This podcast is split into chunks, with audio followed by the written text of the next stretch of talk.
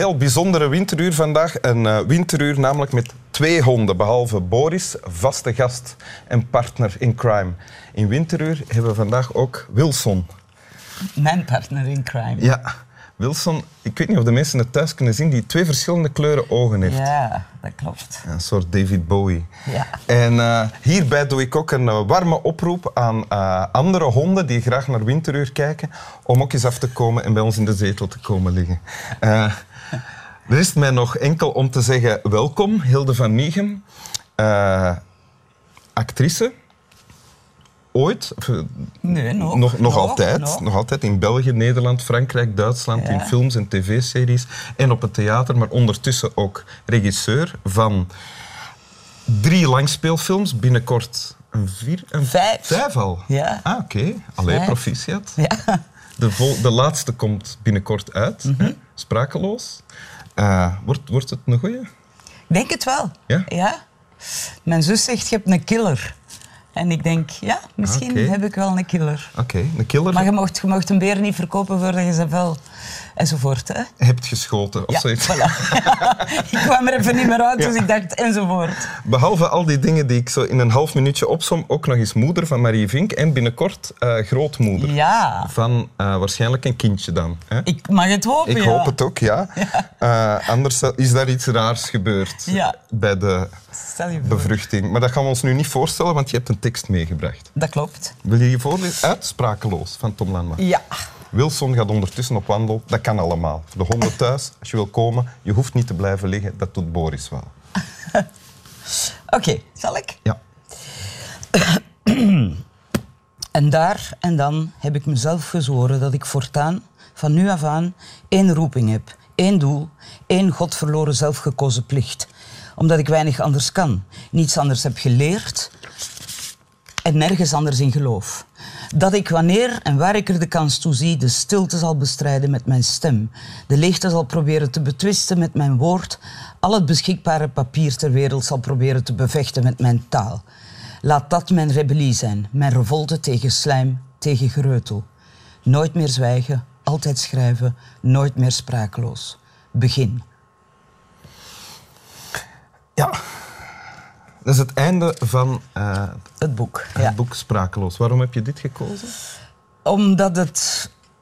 Wat mij zo bevalt eraan is zichzelf toespreken om te beginnen. En om te zeggen, ik zal nooit meer zwijgen, ik zal revolteren, ik zal rebelleren, ik zal alle papier vullen met mijn taal. In dit geval is dat de taal van de schrijver. Maar ik herken dat wel, ik heb dat ook heel erg. Ik denk, nooit meer zwijgen, mededelen, vertellen. In mijn geval dan als scenarist of als regisseur of als actrice. Ja. Want het eindigt met begin. Dat is ook het allerlaatste woord van het boek. Eh, of ik lees er in elk geval ook in. Van, er zijn allerhande redenen om niet te beginnen. En wat de stem die hier aan het woord is, zegt, is eh, gedaan met uitstellen. eh, ik doe wat ik wil doen, ik begin. Dat klopt. Ja. En zo lees ik het ook. En zo heb ik die boodschap in dit boek ook voor mezelf. Ik heb overal in thu- thuis zo van die stickertjes met begin, begin, begin op. Ja? ja, ja, aan mijn spiegel hangt er een. En in de keuken op de ijskast hangt begin. Overal om mij eraan te herinneren dat ik mijn dromen moet waarmaken en moet durven waarmaken. En je- ik weet niet of jij dat ook hebt, maar ik kan wel last hebben van faalangst. Of ik kan ook last hebben van, mag ik wel beginnen? Ja. Ben ik wel de persoon die dat gewoon zich mag toe-eigenen om iets te maken? Ja. En die schrik, om die schrik te overwinnen, denk ik dan altijd aan begin. Oké. Maar ik heb het ook met naar bed te gaan, met opstaan, met eh, heel veel dagelijkse dingen. Bijvoorbeeld, van, ik zou eigenlijk beter gaan slapen nu. Dat hangt er ja. Begin betekent dan, Ga de trap op naar uw bed. ga de trap op naar uw bed. Ja. En dan blijft het daar weer hangen. Eerst bij- nog, eerst nog winteruur kijken en dan Precies, ga de trap op naar uw bed. precies. Ja.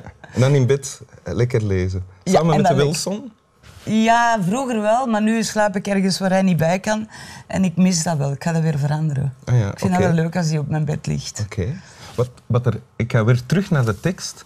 Er, het gaat ook over eh, rebellie. Dat, dat staat ook letterlijk in de tekst ergens. Ja. Eh, ja, laat dat mijn rebellie zijn, mijn revolte tegen slijm, tegen gereutel. Hij Is- zegt rebellie. Is het rebellie? Laat dat mijn rebellie zijn. Denk ik. Maar, ik Mijn weet het rebellie. niet. Mijn rebellie? Mijn dat rebellie? Komt, ja.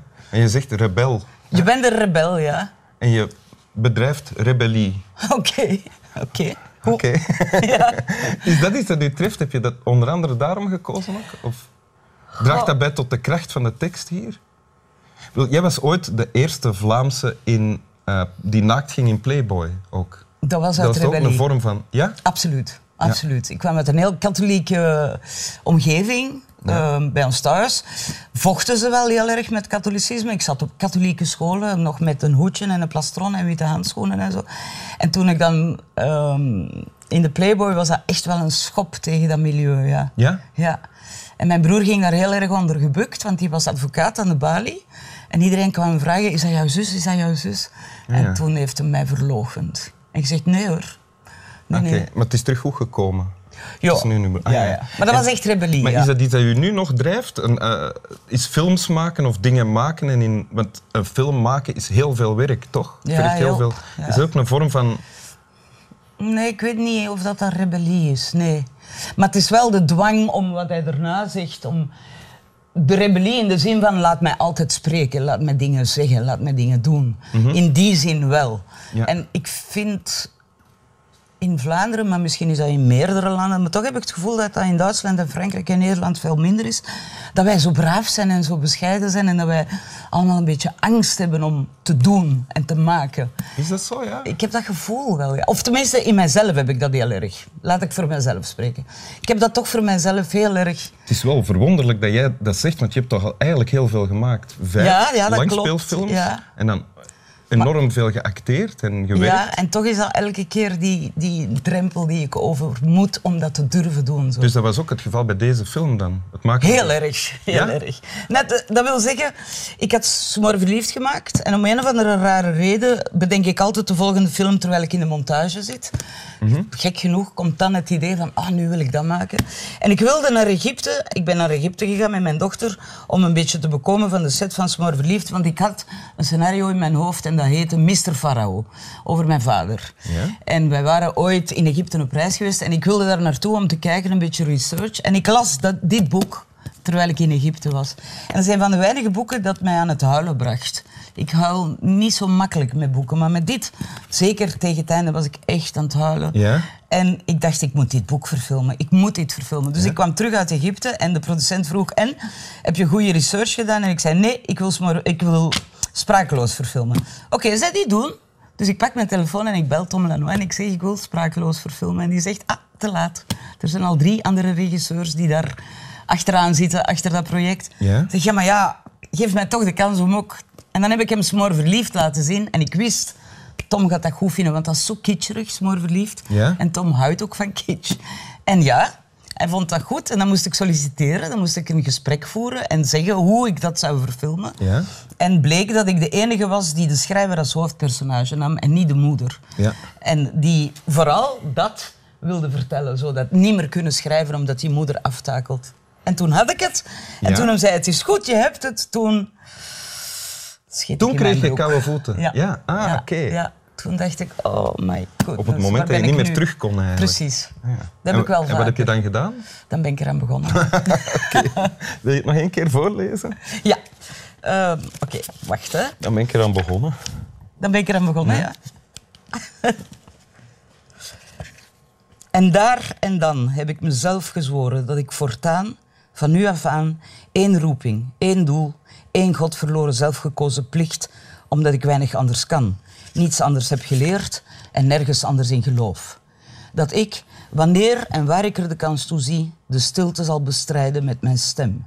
De leegte zal proberen te betwisten met mijn woord.